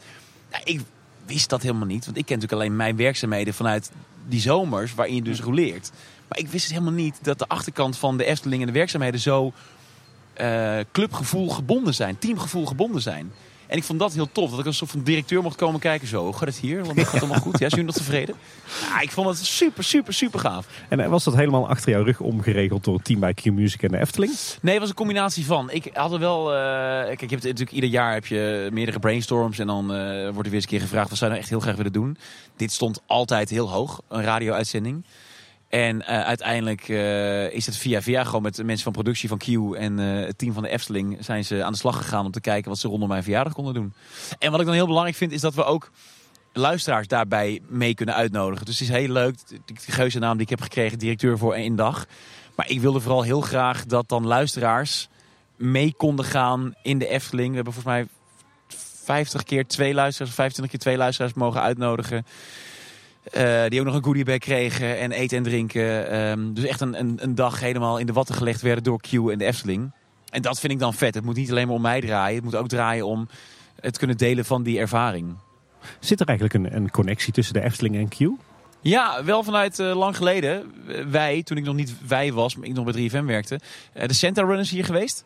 Oh ja. Ik weet niet of het één of twee keer is geweest, maar toen werd het park uh, twee half... Keer. Nou ja, ja. twee keer werd het park half lam gelegd om hier in kerstpannenpakken rond te rennen. Um, ja, en verder wilde Efteling volgens mij heel graag dingen doen met leuke partijen. En wil Q heel, leuke, heel graag leuke dingen doen met leuke partijen. Dus die link is vrij snel gevonden en, en, en gelegd. Je mocht bij jouw verjaardag mocht je een hoop luisteraars uitnodigen. Toen ben je natuurlijk geweest met het hele team van Q. Maar als je een normale dag Efteling, zeg maar vanuit jezelf gewoon privé uh, hebt, met wie ga je dan naar het park? Ja, in mijn eentje dus, blijkbaar tegenwoordig. Nee, um, ja, dat hangt er een beetje van af. Ik uh, ga je wel eens met, uh, met vrienden naartoe. met die jongens met wie ik ook naar Dubai ben geweest, met Team Talk. Oh. Daar is een, een vriendenclubje uit overgebleven. Dus dat is de, de laatste keer dat ik echt met vrienden hier was. maar ook met vrienden uit Utrecht. Gewoon even een dagje. Ik ben uh, twee jaar geleden, wel in corona nog, ben ik eens een keer blijven slapen in het Efteling Hotel. Omdat een vriendin van mij zei, oh dat heb ik altijd een keer willen doen. Toen dacht ik, nou dan gaan we dat toch een keer doen. Dan zijn we met, uh, met z'n drieën hebben een, uh, een suite geboekt, de Ravelijn suite. En hebben we twee dagen park gedaan. Dus eigenlijk maar net wie mee wil. Mijn zusje, ga ik ook nog wel eens mee naar de Efteling. Maar eigenlijk ook gewoon te weinig. Ik merk toch dat ik dat te weinig doe. Ik moet, ik moet iets meer mensen uitnodigen. Ik denk te vaak, weet je wat, ik ga zelf wel. En dan achteraf berichten op WhatsApp krijgen met... hey, ik was in de buurt, je had me even kunnen bellen. Bedankt voor de uitnodiging. Nou, en laat dit een stimulans zijn, uh, ja, dit nee, interview. Zeker. Ik leer, hè, ik leer. Ik heb al drie maanden mijn abonnement. Dus ik leer ook hoe ik, uh, hoe ik moet omgaan met mijn Efteling bezoekjes. En dan kan ik me voorstellen dat als je met de Teamtalk reisgezelschap naar de Efteling gaat... dat misschien niet zo is. Maar als je met de wat minder uh, Efteling opgevoede medebezoekers hier bent... ben je dan ook een beetje de gids van de ja, dag? zeker. Ja, ja, ja, ja. En wat zijn de dingen die mensen dan zeker mee naar huis moeten nemen? ik ga... Ja, dit blijft een goed verhaal. Ik uh, heb ooit een keer mijn, uh, mijn vrienden Bas en Chris van de podcast meegenomen naar de Efteling. Uh, Bas die houdt niet van pretparken. Die snapt niet waarom pretparken pretparken heten niet eng parken. Want hij vindt namelijk alles eng en spannend en vervelend eigenlijk. Chris vindt het allemaal wel lachen. Dus ik ging ze de heksenbezem laten zien. daar, bij de draak ergens in de buurt. En ik heb dat honderd jaar geleden een keer geleerd als een easter egg in Efteling. En de eerste keer dat ik dat zag, toen was ik denk een jaar of 14, 15. Ja, ik vond dat vet. Ik vond dat magisch. Dacht, oh ja, vet, goed verhaal. Goed klein verhaaltje daar. Dus ik nam de jongens mee. Ik zeg, dit is het. En ze kijken naar boven. Wat? Ja, daar, die knapzak. Dit is het. Ik zeg, ja, dit is het. Is dat alles? Ja? Nou, dan gaan we verder. Dan dacht ik, oh ja, het heeft ook, sommige dingen hebben gewoon geen zin om te willen uitleggen aan mensen die het gewoon een leuk park vinden. En je mag het ook gewoon een leuk park vinden. Dus daar heb ik er wel van geleerd. Uh, het is soms ook gewoon goed om de gids te zijn, maar niet per se degene die alles uh, uitlegt en wil duiden. En, en als jij de lead hebt op zo'n dag, hoe, hoe ziet dan een typische Domiendag in de Efteling eruit? Ja, vroeger was het eigenlijk altijd meteen droomvlucht. Um, ik ben er wel iets rustiger in geworden, moet ik zeggen. Het, het, ik wil nu vooral... Ja, ik ben toch ook wel echt een, een, een wachttijdbezoek hoor ik ga toch wel kijken waar de minste wachttijd staat en, uh, en uh, werk het op die manier af. Ik denk nog wel dat Droomvlucht eigenlijk de eerste, de eerste plek zou zijn waar ik naartoe zou gaan. Ik zou minder rennen. Um, ik hou ook wel echt enorm van het eten hier. Dus ik denk dat het zou beginnen met een worstenbroodje en een kop koffie. Even rustig aan. En dan uh, relaxed stiefelen naar Droomvlucht. Droomvlucht, Villa Volta, Land van Laaf. Volk van Laaf, pardon. Carnavalfestival, Vogelrok. En dan die kant op zo richting Python, halve maand stevast overslaan uiteraard. Maar wel een beetje opbouwen dus. Ja, ja wel intensiteit moet je, uh, moet je opbouwen. Nee, je, je, begint echt nog uh, ouderwets bij ingang West en dan met de klok mee. Ja, dat is het. Ik ken ingang West natuurlijk nog van vroeger. Daar, daar kwam je binnen, een beetje geplastificeerde abonnementje. Daar kwam je binnen. Ja. En, uh, ja, en vanaf daar ging je dan ging je de route doen. Grappig hoe dat erin slijt. Hè? Ik heb nog steeds als ik de Efteling plattegrond zie dat ik denk, nee, eigenlijk verkeerd om. Je snapt dat wel, ja. ja. Hey Doei, je begint net over een worstenbroodje in de ochtend. En mijn maag begint nogal te knorren. Is het niet idee dat we gaan verkassen naar Bekkerij Krummel? Ja, lijkt me een heel goed idee. En dan eh, zitten we in één keer aan de andere kant van het park. En toen we erheen liepen, toen bedacht ik me net in één keer iets. Want uh, je bent al eerder in Kleine Boodschap te gast geweest. Oh ja? Dat is inmiddels een jaar of vier geleden hebben we net uitgerekend. En toen hebben we volgens mij tegen elkaar gezegd, want het was, uh, je was het toen vervangen van Tim. Ja, zeker. Ik had toen een hele goede understudy. Ja, dat was een hele goede understudy. ja. en uh, toen hebben we tegen elkaar geroepen van, uh, we moeten nog een keer een rondje door het park doen, maar dan met Tim erbij. Ja. Nou, vandaag is het Dit is eindelijk gebeurd. Ja, ja, het heeft veel te lang moeten duren. Het is bijna letterlijk een rondje park, hè? want we begonnen op het Herautenplein en we zitten nu dus op het Max Moritzplein. Ja. Met een kleine afterlunch dip. nou ja, dat is gewoon het probleem van, uh, van bij Krummel. Dat, alles is zo ongelooflijk lekker en mijn ogen zijn veel groter dan mijn maag. Dus ik heb en een berlinebol en een broodje eiersalade en de stroopwafel koffiespecial genomen. En eigenlijk heb ik na de stroopwafel koffiespecial en de berlinebol uh, niet zo heel veel trek meer in het broodje. Misschien is de volgorde ook verkeerd geweest. ja. Je hebt er gewoon een, een, hele brunch van gemaakt. Ja, ja, ja. Nee, broodje gaat mee naar huis zo meteen in de auto. Zeg, uh, Domien, uh, nou we toch even een rustpauze hebben gehad. Ben je klaar voor een hele diepe vraag? Ja, kom maar. Wat betekent de Efteling nou eigenlijk voor jou? Jeetje. Die is diep, hè? Ehm... Zulke, zulke diepe vragen stellen jullie bij Q-Music natuurlijk niet meer. Nee, dit is, uh, dit is niet meer waar wij onze luisteraars bij lastigvallen. Wat betekent de Efteling voor mij? Ja, het is voor mij nog steeds wel echt een stuk jeugdigheid wat ik hier ervaar. Waar ik naar terug kan gaan. En het klinkt misschien heel klef, maar ergens voelt het ook als thuiskomen of zo. Ja, daar hoef je ons niet van te nee, overtuigen. maar ja, kijk, ik woon natuurlijk niet meer in Brabant. En ik woon zo ver van de Efteling vandaan. Dat het, als ik door ja, trots komt eigenlijk ook bij me op. Ik ben dus ook trots op het park. Ik heb niks met het park te maken. Ik heb er geen steen aan bijgedragen. Ik heb geen tekening gemaakt. En toch ben ik heel trots op het park. Wil ik ook heel graag mensen overtuigen van uh, de schoonheid van het park. Maar ja, het voelt ook als thuiskomen. Iedere keer als ik hier uh, binnenkom, ja, dan ben ik er even thuis. Ja. Ja, die trots die horen we ook bij, bij veel mensen terug. Ook bij mensen die inderdaad niet werken. Op de een of andere manier voelt het toch als iets van ons allen. Denk ja. Ik. ja. Maar ik weet niet waar het vandaan komt. Ik weet niet wat dat dan is. Is het dan het Brabantse of is het dan... Waar, waar, zou die trots vandaan komen? Ja, misschien toch dat, dat de Efteling erin slaagt om toch een soort community te creëren. Die niet alleen bestaat uit het eigen personeel, maar ook uit alle liefhebbers ja. of zo. Ja, misschien is dat het wel, ja. ja. Hey, wat maakt de Efteling eigenlijk zo bijzonder voor jou? Ik denk, wat ik nu ook weer ervaren heb toen ik tussen aanhalingstekens directeur was, de liefde die in het park gestoken wordt. Um, en, en, wat daar nog soms, wat ik daar soms wel ingewikkeld aan vind, is dat het natuurlijk ook gewoon een, uh, een commercieel monster is. Uh, er moet geld worden verdiend en uh, dat zie je soms ook iets te vaak terug in het park. Dat er wordt bezuinigd op de verkeerde dingen. Maar ik denk dat onder alles, de diepste laag, voor mij wel liefde is. Dat er echt liefde wordt gestoken in ontwerpen, liefde wordt gestoken in de bouw, liefde wordt gestoken in de manier waarop gasten worden behandeld. Um, ik denk dat dat voor mij wel echt het, het, het woord is dat als je die vraag stelt, het eerst bij mij opkomt. Je, je zegt af en toe wordt er voor mijn gevoel uh, iets te veel op bezuinigd. Op de, wat zijn dan die zaken die jou storen? Ja, ik vind het heel moeilijk. Maar ik merk dus als ik naar jullie luister of naar Team Talk, dat er soms dingen worden gezegd. Dat ik denk, god, dat is ook zo. Dus ik heb het helemaal niet zo heel erg door. Dus als er een projectie in Fata Morgana kapot is, ja, weet ik veel. Ik zie dat helemaal niet. Maar ik was er dus vorige week en dan vaar ik binnen. En dan zie ik die projectie eigenlijk nou ja, voor het eerst pas serieus. Denk ik, oh ja, het is, hij is wel echt noodzakelijk. Want anders mis je eigenlijk de hele opbouw van het verhaal. Dus, maar dat soort dingen, ik begrijp dat dus niet. Ik heb altijd de hoop dat er allemaal baasjes naar jullie luisteren en naar al die andere pretpark podcasts. Om dus te horen wat er eigenlijk schort. Omdat ik soms het idee heb, zien ze het niet, willen ze het niet zien. Ik ben ook heel blij dat, uh, dat de Hollander wordt aangepakt nu. Dat daar ook echt cruciale scènes die jaar op jaar op jaar op jaar het niet deden of het maar half deden. Dat dat eigenlijk eens een keer serieus genomen wordt voelt bijna als, alsof er geluisterd wordt naar de fans. Ik vind dat soms wel jammer. Ik vind soms achterstallig onderhoud uh, dat niet nodig is. Waarvan ik denk, hé, hey, er zit volgens mij genoeg geld in de kas. Ik weet dat het moeilijk is om hier en daar wat personeel te vinden. Volgens mij staan er weer heel veel vacatures open, ook voor het park. Dat, ja, ik vind achterstallig onderhoud vind ik jammer. Maar ik heb het zelf dus niet eens zo heel vaak door, omdat ik niet heel vaak in het park kom. Als ik dan naar jullie luister of een andere podcast, dan denk ik, ja jongens, pak dat even aan. Dat vind ik altijd heel jammer. Ja, niks is zo perfect dat je er geen kritiek op kan hebben. Nou, iets wat je, heel, wat je heel mooi vindt, wat je aan het hart gaat, ja, daar ben je ook wel meer kritisch ja, op. ben je kritisch op. Ja. ja, dus voor jou moet die lat echt op dat 9 plus niveau liggen. Nou ja, als jij inderdaad hardop roept de hele tijd dat je een 9 plus ervaring wilt bieden, dan moet je wel zorgen dat het een 9 plus ervaring is. En daar stoor ik me wel een klein beetje aan nu. Uh, ik vind het geweldig wat er gebeurt in de komende jaren en wat er geopend gaat worden.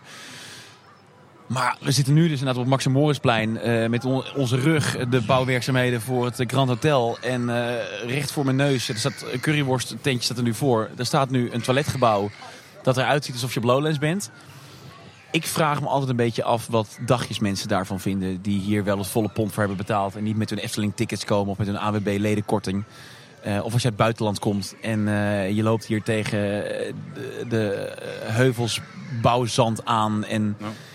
Kijk, ze probeert allemaal goed weg te werken hoor. Dat hebben ze echt netjes gedaan. Ook de laatste tijd. Ik vind dat uh, die bouwmeester Big vindt het leuk bedacht. Ik vind het een, uh, vind het een uh, geinig karakter om, om dat in te zetten. Om je bouwwerkzaamheden te maskeren. Maar ik vraag me echt af wat je denkt als je niet weet dat er zo hard gebouwd wordt aan het park. Midden in het park ook, wat niet anders kan. Ik vraag me af wat je dan denkt. Nou, oftewel, kijk, kijk eens wat meer door de bril van de bezoeker. Nou ja, soms wel. In ieder geval van de, dagjes, van de dagjesbezoekers. Ja. Dat is wel, ik denk dat dat wel ik denk wel dat ze het doen en dat sommige dingen ook echt niet anders kunnen. Maar baart me wel een beetje zorgen als ik hier binnenloop. Ja. Dat de eerste indruk die is, uh, die is matig. Dat het maar snel uh, 2024 mag Precies, zijn. dat mag het allemaal open, ja. ja. En je weet wat we ondertussen nog leren over wat er nog gaat gebeuren in het park. Nou. Hey Domien, zijn er dingen uit de Efteling die jij meeneemt in het dagelijks leven? Nou, niet in het dagelijks leven, maar uh, wel in mijn werk. Dus ik gebruik nog steeds heel graag muziek van de Efteling. Wel iets minder sinds uh, Rob Jansen besloten heeft om Symbolica uitgebreid te gebruiken voor zijn radioprogramma's.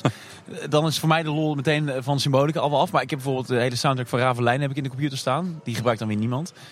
Het blijft toch leuk om mensen lastig te vallen met Carnaval Festival. ja, ja dat, dat, blijft, dat blijft lachen. Ja, heb jij er nou ook last van dat als je vertelt dat je van de Efteling houdt... dat dat dan meteen het eerste liedje Absoluut. is wat wordt opgezet? Absoluut, ja. ja. ja. Dat Carnaval Festival, dat zou dan de Efteling zijn. Is ook belangrijk voor de Efteling, maar is natuurlijk niet wat, waar de Efteling voor staat.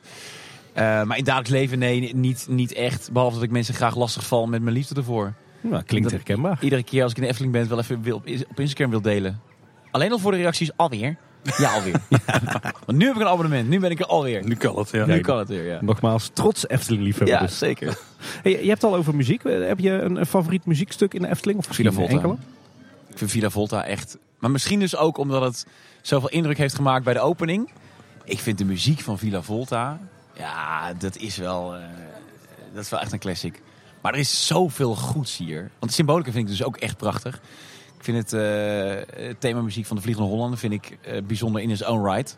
Ik zet het niet zelf op, maar ik vind het, uh, het repeterende thema erin echt goed, goed, goed, goed gevonden. Ja, eigenlijk kan ik eindeloos praten over de muziek van de Efteling. Maar Villa Volta is Maar wel Villa je- Volta is mijn nummer 1. Dat was de vraag. Dat Kijk. is mijn nummer 1. Ja, ja. Ja, Tim vraagt er iedere keer in onze gast dat ook weer eh, Hoor je het, Paul? aangeeft. Ja, ja, ik hoor Toch het. weer, ik toch weer een expert die het ook zegt, hè? Eh, heb je nog eh, favoriete details in het park? Buiten natuurlijk eh, de schitterende bezemstil die je hebt laten zien aan Bas en Chris. Eh, details. nou, je zijn het details. N- Nee, maar ik ben gek op doorkijkjes. Dus als je op de brug staat tussen de Baron en Symbolica... en je kijkt uit over de, uit over de Gondoletta-vijver... en de pagode is, is omhoog, dat plaatje... dat je echt niks anders ziet dan de Efteling... daar kan ik het meest van genieten hier. Dus ik hou enorm van eh, de, de, de kruipdoor, sluipdoor paadjes die niet iedereen weet te vinden. Ehm, omdat daar net de aanblikken van het park mooier zijn dan op de, de gebaande paden. Daar geniet ik eigenlijk het meest van. De zichtlijnen dus, eh, zeg maar. Ja, Nou. ja. Hey, eh, we zitten hier eh, nog een beetje na te smullen. Ehm, maar heb je eigenlijk ook een eh, favoriete snack in de Efteling? Of eh, iets wat je hier graag koopt als je hier bent? De laatste keer dat ik in de winter Efteling was, ehm, met wie was ik toen ook alweer? Oh, ik denk met die, eh, met die Dubai Club, ja, een paar weken geleden. Een paar maanden geleden, was in november. Eh, toen heb ik ehm, twee broodjes Unox op. En ik vind toch, kijk, het is natuurlijk echt een heel gore commerciële samenwerking tussen Unox en Efteling. Ja, Maar eh, ik vind dat bij een dagje winter Efteling, daar hoort minimaal één broodje Unox.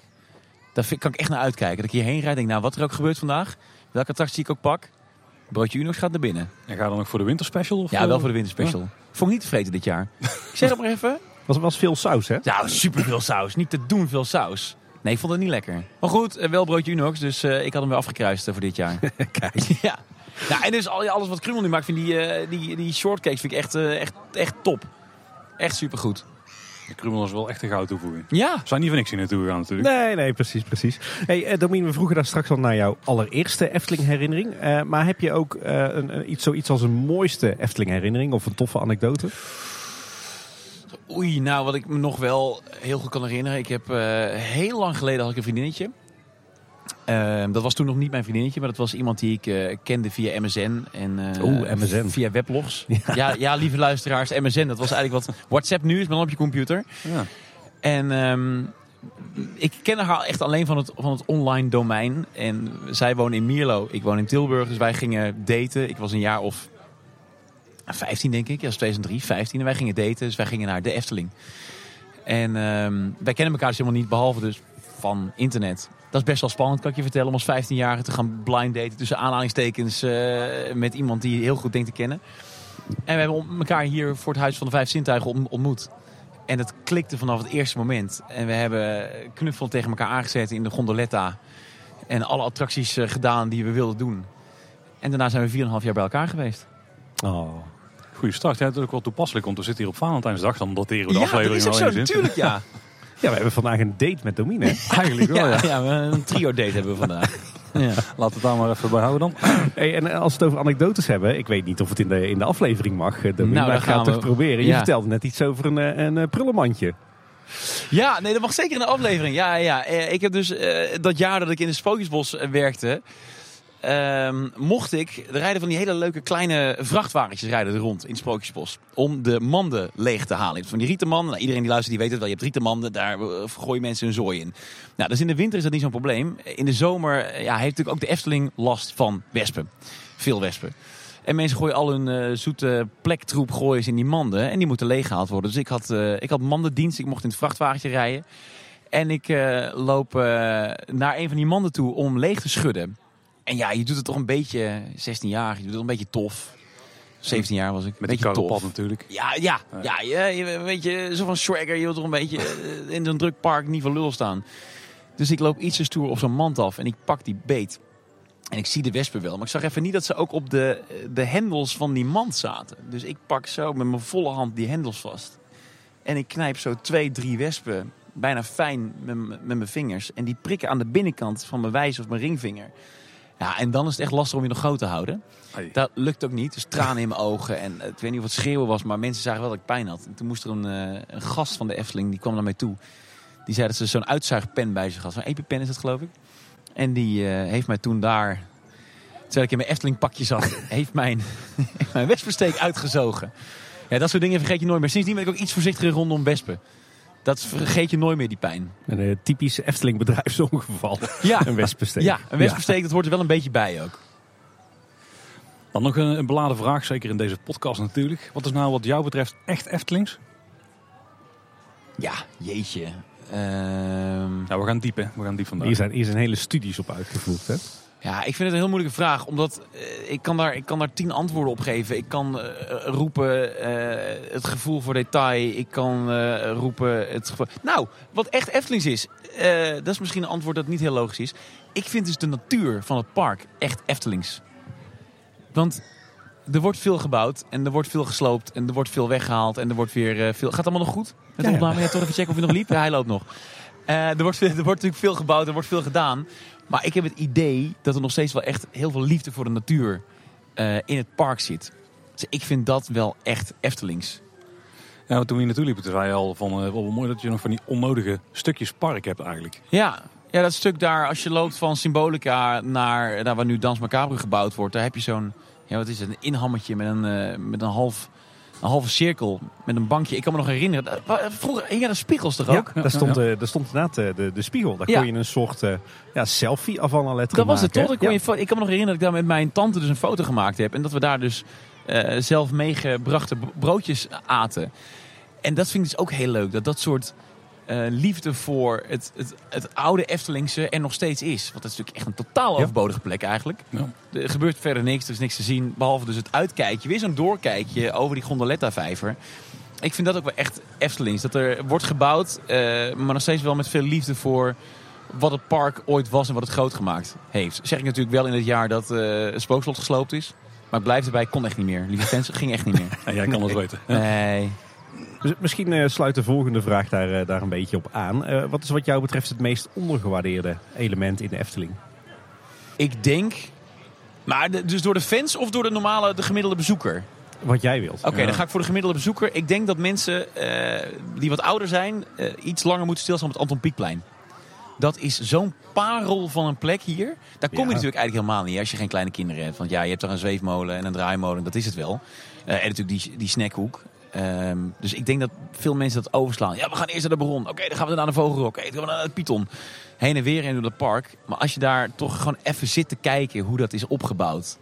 Eh, hoe dat, eh, dat, dat, die prachtige, die, die- dat gevelwandje daar is neergezet. En hoe daar, hoe dat piek ademt. Ik vind dat wel, ik vind dat een van de mooiste plekjes van de Efteling. Ik weet niet of het ondergewaardeerd is. Ik denk dat de fans eh, dat zeker niet, zeker niet doen. Ik denk dat de gemiddelde bezoeker er misschien iets te snel doorheen waggelt. Over koek geen frikandel, ik hoef ook niet in de draaimolen. Kom, we gaan naar Carnaval Festival. Dat zou zomaar kunnen, ja. Ja, precies. Maar Goeie. omdat je het zo specifiek zegt, is er dan ook iets waarvan jij denkt dat wordt door de fans heel erg ondergewaardeerd? Nee, ik denk het niet. Ik denk dat die wel doorhebben dat het, eh, dat het een bijzonder plein is. Omdat daar, daar zit ook weer zoveel aandacht voor. eh, thematiek, geschiedenis eh, en detail. Vind ik heel mooi dat mensen ook niet weten dat het, dat het plein er niet al altijd gelegen heeft. Dat het nog een vrij recent plein is. Dat mensen denken, oh, dit heeft Anton Pieck hier neergelegd eh, toen hij hier werkte. Maar ik vind het dus... eh, nee, de fans, die weten, de fans die waarderen het wel. Daar ben ik echt van overtuigd. Wat is jouw, als jij het voor te zeggen hebt, hè, wat is jouw toekomstdroom voor de Efteling? Waar hoop je dat de Efteling over 10 of over 15 jaar staat? Nou ja, ik hoop eigenlijk dat ze iets meer gaan zitten nog op, eh, op, de, op de beleving, op de verwondering. Ik ben heel benieuwd naar Dans Macabre. Ik heb grote verwachtingen, maar ik vind het ergens ook wel spannend. Ik weet niet of het nou meer een thrill ride wordt of meer een... Nou, het wordt sowieso een thrill ride. Maar ik ben heel benieuwd naar de, dark ride elementen daarvan. Ik hoop heel erg dat de Efteling de komende jaren iets meer gaat zitten op dark rides. Ehm, er mag nog wel even één eh, dark ride knaller mag wel even bij. En ik moet wel zeggen, als je een park hebt met eh Fata Morgana, nou, dan ben je eigenlijk zit je al wel geramd. Vind Fata, ja, vorige week ook weer volledig ervaren. Ik vind dat eh, misschien wel beter dan Pirates. Maar goed, dat zeg ik ook met mijn nationalistische inborst en mijn liefde voor het park. Ehm, nee, ik vind het echt, ik vind het van zulke hoge, hoge klasse. Maar ik zou het fijn vinden als er nog één echt verhalende attractie zou worden toegevoegd in, eh, de, in de komende jaren. Ja, je hebt al Dat- iets meer eh, van de, de pretparkwereld wereldwijd gezien inmiddels. Eh, Wat, heb je een beetje een idee van zo'n soort attractie zou je dan wel, wel zien zitten? Of zo'n soort ritssysteem of zo? Of welk thema? Oeh, thema ja. Nee, ik ben niet zo heel erg thuis in de thema's, moet ik zeggen. Ik word ook altijd eh, enorm verrast door wat ze hier weer bedenken. Ik heb kan Max en natuurlijk ook niet van tevoren eh, bedacht dat dat een, eh, een thema zou kunnen zijn voor de Efteling. Nee, niemand. Nee. ik zit er nu naar te kijken. Ik zit nu naar te kijken en denk, oh ja, ik vind het altijd toch wel echt minder lelijk dan dat ik het in eerste instantie vond. Vind je het niet minder lelijk geworden als je Zeker. er meer, wat meer Zeker. aan gewend? Ja, het, het is aan het indalen. Toch is dat indalen dat het niet meer... Ja, het groen is aan het dat groeien, dat helpt ook. Nee, toch? Ik, ik, ik stond me wel weer enorm aan die enorm groene, groene doos die er daarnaast staat. Maar goed, daar hadden we het niet over. Nou, ooit, ooit, ooit gaat het gebeuren. O- ooit. ooit. We, we hebben goede hoop. Ritssysteem, nee. Het maakt me eigenlijk allemaal, het maakt me allemaal niet zoveel uit. Ik ben in, eh, in Abu Dhabi geweest, in Warner Brothers.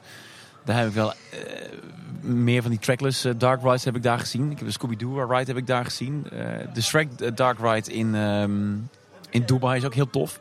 Dus trackless, dat is natuurlijk wel de toekomst. Dat, dat werkt ook in symboliek, super, super, super goed. Maar eigenlijk niet zoveel uit wat rittechniek is. Dat, ik ben daar niet zo mee bezig, maar meer om het verhaal, de aankleding, details en het, het verhaal dat, dat wordt verteld. Je hebt er wel vertrouwen in. Als je Ik heb, nou ja, goed, heb ik er vertrouwen in. Ja, ik, eerst maar eens even kijken wat Dans Macabre gaat worden. Dat is eh, de grootste uitdaging nu, denk Dat ik. wordt de benchmark. Ja. Ja, precies. Hey, en voor jou persoonlijk, heb jij persoonlijk nog een, een toekomstwens Nee. voor de Efteling? Dat Nee, jij zegt van dit nee, wil ik met nee, Q-Music. Nee, eh, nee, nee? nee, nee. Ik heb mijn bucketlist. Ik, dat was hier, hè? Hier stond ik. Daar stond de studio. Bij vrouw Boltes Kuge.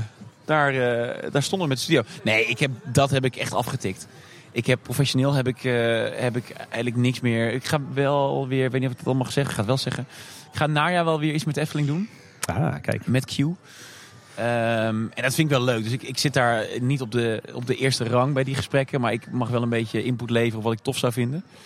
Dus we zijn bezig met een, ehm, een weggeefactie slash winconcept slash iets wat we met luisteraars kunnen gaan doen. Je, je hebt wel natuurlijk het voordeel dat als er boven de rivieren iemand denkt van... oh, we moeten iets doen met media en Efteling... dan je komen ze al snel bij jou uit. je Ja. Dat heb ik wel heel goed uitge, uitgevent de laatste maanden. Ja. Wat een luxe positie. Ja. Ja. Als nou een element uit de Efteling is wat je zou mogen meenemen naar huis. Gewoon een object of, of iets wat je als souvenir zou willen meenemen. Wat Wat zou dat dan zijn? Jouw ultieme souvenir? Ik ga weer naar Fata Morgana. Ik zat dus vorige week alleen in dat bootje. Eh, jullie kennen ook wel dat oude fragment van Valerio, toch? Die daar het bootje uit is gestapt. En, eh, Oh, ja, ja. Ja. Ik heb heel even overwogen om het te doen. En een van die kelken of eh, theepotten mee te nemen. Dat zou ik wel lachen vinden. Dat zou ik, wel, ik zou het nooit doen, hè? Ik zou het nooit doen. Ik zou nooit uitstappen, lieve mensen, geloof me. Maar ik vind dat wel eh, gewoon zo, zo iets uit een van, die, een van de scènes van Fata. Dat zou ik wel tof vinden. Ja. Ja, Ja. Of gewoon überhaupt in de scènes rond kunnen lopen. Maar heel even rondlopen. Nee, Heel heb even- je je bucketlist eh, item. Ja, eh, misschien wel. Ik zou bij Fata wel willen kijken ja, aan, aan de achterkant. Dat ik ook gewoon dat hele systeem wat ze hier hebben ontworpen, honderdduizend jaar geleden, dat nog steeds werkt. Ik vind het wel, ik vind het wel eh, vet om daar nog eens een keer te kijken. Misschien is dat wel een bucketlist dingetje nog. Ik denk dat we rustig aan naar de uitsmijters gaan in, onze, in ons draaiboekje. En dan eh, komen we misschien bij een paar vragen die je al hebben beantwoord. Maar we moeten ze even nog bundelen hier. En snel, hè? Dat is ja, het ja, idee ja, van eh, Snel is bij mij altijd een uitdaging, maar ik ga het proberen. Nou, niet alleen bij jou. Wat is jouw favoriete plekje in de Efteling? Favoriete plekje is als ik er één zou moeten aangeven, dan toch. Ah, Jezus!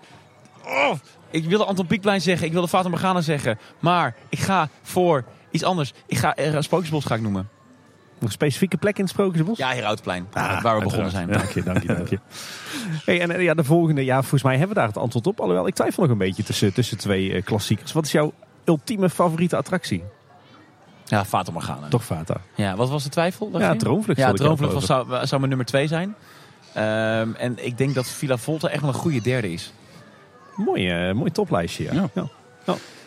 En dan ben je naast Efteling-liefhebber nog pretparkliefhebber in algemene zin. Ja. Ja, maar ook daar eh, slaap ik echt in. Ik ben echt te weinig actief. Ik ga binnenkort wel eindelijk naar Europa Park. In mei. Dat stond al heel lang eh, op de lijst. Ehm, ik ben, maar ik ben bijvoorbeeld nog nooit in Toverland geweest.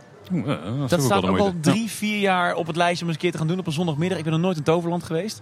Maar voor de rest, ja, ik heb, eh, Walibi heb ik natuurlijk gehad. Eh, ik heb eh, Disneyland Parijs ben ik, eh, ben ik veel geweest. Fantasialand. Eh naar Dubai, Abu Dhabi mag ik inmiddels afstrepen. Maar Orlando staat er steeds heel hoog om naartoe te gaan. Eh, dus ik, ja, ik ben groot liefhebber van, eh, van pretpark in het algemeen. Ja. Ja, kijk. En, en heb je dan een favoriet park naast de Efteling? Of misschien wel überhaupt een Nou, dat een was altijd? Disney. Dat was altijd- het, resort in Parijs. Maar eh, nou ja, als we het over achterstallig onderhoud hebben, eh, vind ik dat echt, vind ik dat echt heel erg. Dat vind ik echt heel erg. En ik ben benieuwd wat er gaat gebeuren met het Studios Park in de komende, de komende jaren. Het gaat allemaal heel traag, heb ik begrepen. Ik ben wel redelijk onder de indruk van het Avengers eh, Campus gedeelte. Dat zag allemaal vet uit. Ik heb het zelf niet gezien, maar dat ziet op de video's allemaal geweldig uit. Maar ik vind wat ze daar met het, Disneyland Park zelf doen, voor dat geld, het is echt zonde. Wat, doen ze met het Disneyland Nee, park? niks. Dat is het hele probleem. Ze doen daar niks. En ik snap wel dat het, het park als het eerst natuurlijk perfect is. Het is echt een perfect park. Maar ja, je moet wel op een gegeven moment ergens gaan uitbreiden. En dan, ik weet dat ik geklaagd heb over de pijnhopen hier. Ja, dan maar op deze manier. Dan maar dingen weghalen en, en eh, met bulldozers anderhalf jaar, twee jaar je park eh, terroriseren. Maar dan bouw je wel wat nieuws. En dan kun je de toekomst in. Dat vind ik echt jammer van het Disneyland Park. Nou ja, ze hebben daar dus uitbreidingsplekken al gereserveerd. Er liggen nu gewoon grasveldjes achter de schermen. Ze kunnen er zo eens neerzetten. Er gebeurt Maar- niks. nee, Die liggen er al ze doen het 30 jaar. Ja, echt een leuk. zorgenkindje van, eh, van de Disneylijn. Maar nu dus niet met Disneyland Parijs mogelijk. Een ander park wat jou, eh, wat jou eigenlijk aanspreekt. Ja, ik was wel onder de indruk van Fantasialand, moet ik zeggen. Wat ze daar op een heel kleine oppervlakte hebben gedaan. Hoe ze daar over elkaar en in elkaar bouwen, dat is wel, eh, ik vind het wel vet. Nou, die horen we wel vaker in de, in echt goed bij gedaan. deze vraag. Ja. Ligt jouw favoriete attractie buiten de Efteling ook misschien daar? Ja, ik vind Taron wel echt. Ja, toch wel. Ja, dat is echt een knaller van een baan. Fly ook al gedaan? Of Nee, niet? Flying niet gedaan. Nee. Maar ik moet ook zeggen, eh, ik weet niet of dat heel erg hoog op het lijstje staat. Ik, als ik er zou zijn, dan doe ik hem. Maar het idee dat je daar ligt en dan... Ja, ik weet het niet, man. Ja, dat is nu de actuele discussie, hè? Fly of, ta of Taron? Ja, Taron. dan is het Taron. Ja, Dan is het voor mij eh, sowieso qua ritssysteem zou het dan Taron zijn. Ik, ik had zo, zoiets nog nooit meegemaakt. Dat je, dat je twee lanceringen hebt waarvan de tweede midden op de baan zit. Dat is zo lijp. en Ik vond het heel cool. en dat die eh, achtbaan je actief uit het karretje lijkt te willen gooien. Ja. ja. Het lukt net niet. Nee, het lukt net niet. Dat idee heb ik ook altijd. Hey, en even een, een laatste vraag, een beetje uit de buitencategorie. Maar nu zitten we natuurlijk met de expert aan tafel, dus nu moet ik hem toch eh, vragen. Heb Oh, jij ja. eigenlijk nog tips voor ons, eh Domien? Voor Kleine Boodschap? Houd het kort. Nou, eh, dat, ja, mag ik e- eerlijk zijn? Altijd. Ik, als het aan mij zou liggen, de nieuwsafleveringen mogen iets korter. Dat zou voor mij wel relaxed zijn. Dan kan ik namelijk, ik heb gewoon te veel podcasts om te luisteren. En jullie vallen dan net soms tussen, tussen wal en schip. Dan denk ik, oh ja, dat komt wel. En dan komt het eigenlijk nooit. En dan is er weer een nieuwe aflevering. Dan denk ik, ja, dan ga ik die voor ook niet meer luisteren. Dus dat is de enige tip. Maar verder vind ik jullie verdieping, eh, jullie liefde, jullie passie. eh, ik moet ik, eh, heel erg lachen om alle handjes die hier naar jullie ook worden gegooid. En dat er allemaal mensen langslopen die jullie weer kennen. En jullie kennen de mensen weer. Nee, er zit zoveel liefde vanuit jullie in het, in het product dat jullie maken. Het, het klinkt heel suf, maar ga zo door. Ik vind het echt te gek. Nou, dankjewel. Dank Leuk. je. Als mensen jou nou online nog willen volgen, Dominia, het is niet zo heel moeilijk, want je hebt een vrij unieke naam natuurlijk. Dus je bent Ja. makkelijk te vinden. Maar waar kunnen mensen jou het beste volgen? Overal op @domin. Ja, dat is wel Eh, echt heel, ik heel denk luxe. Ja, dat is echt heel fijn. Eh, Instagram is eigenlijk de plek waar ik het meeste doe. Dus Twitter ben ik een beetje aan het afschalen. Eh, net als de rest van de wereld geloof ik. Eh, Facebook doe ik niks meer mee. Eh, dus nee, ja, Domin. En verder op de radio, iedere maandag tot en met vrijdag op Q-Music. Kijk. Ja, we zullen linkjes uiteraard in de show notes zetten. Maar nogmaals, als je Google gebruikt en je tikt dominen, kan niet missen. Je komt er snel genoeg tegen. Ja, sorry daarvoor. Als mensen ons willen volgen, dan kunnen ze denk ik het best naar de website gaan. Kleineboodschap.com is daar. Als je naar eh, kleineboodschap.com slash volgen gaat, vind je alle social media kanalen waar wij te vinden zijn. En op kleineboodschap.com vind je natuurlijk ook het contactformulier. Daar kan je een berichtje achterlaten. Maar je kan ons ook gewoon een mailtje sturen. En dat kan naar info.kleineboodschap.com. En luisteren doe je uiteraard in eh, je favoriete podcast app of op Spotify of op de website. En als je op de website kijkt, dan vind je meteen alle show notes er ook bij. En als je nou ergens een reviewtje kunt achterlaten, kunnen we ook altijd enorm waarderen. Want dat helpt andere mensen weer sneller om de podcast te vinden. Zeker op eh, Spotify of eh, Apple Podcast natuurlijk.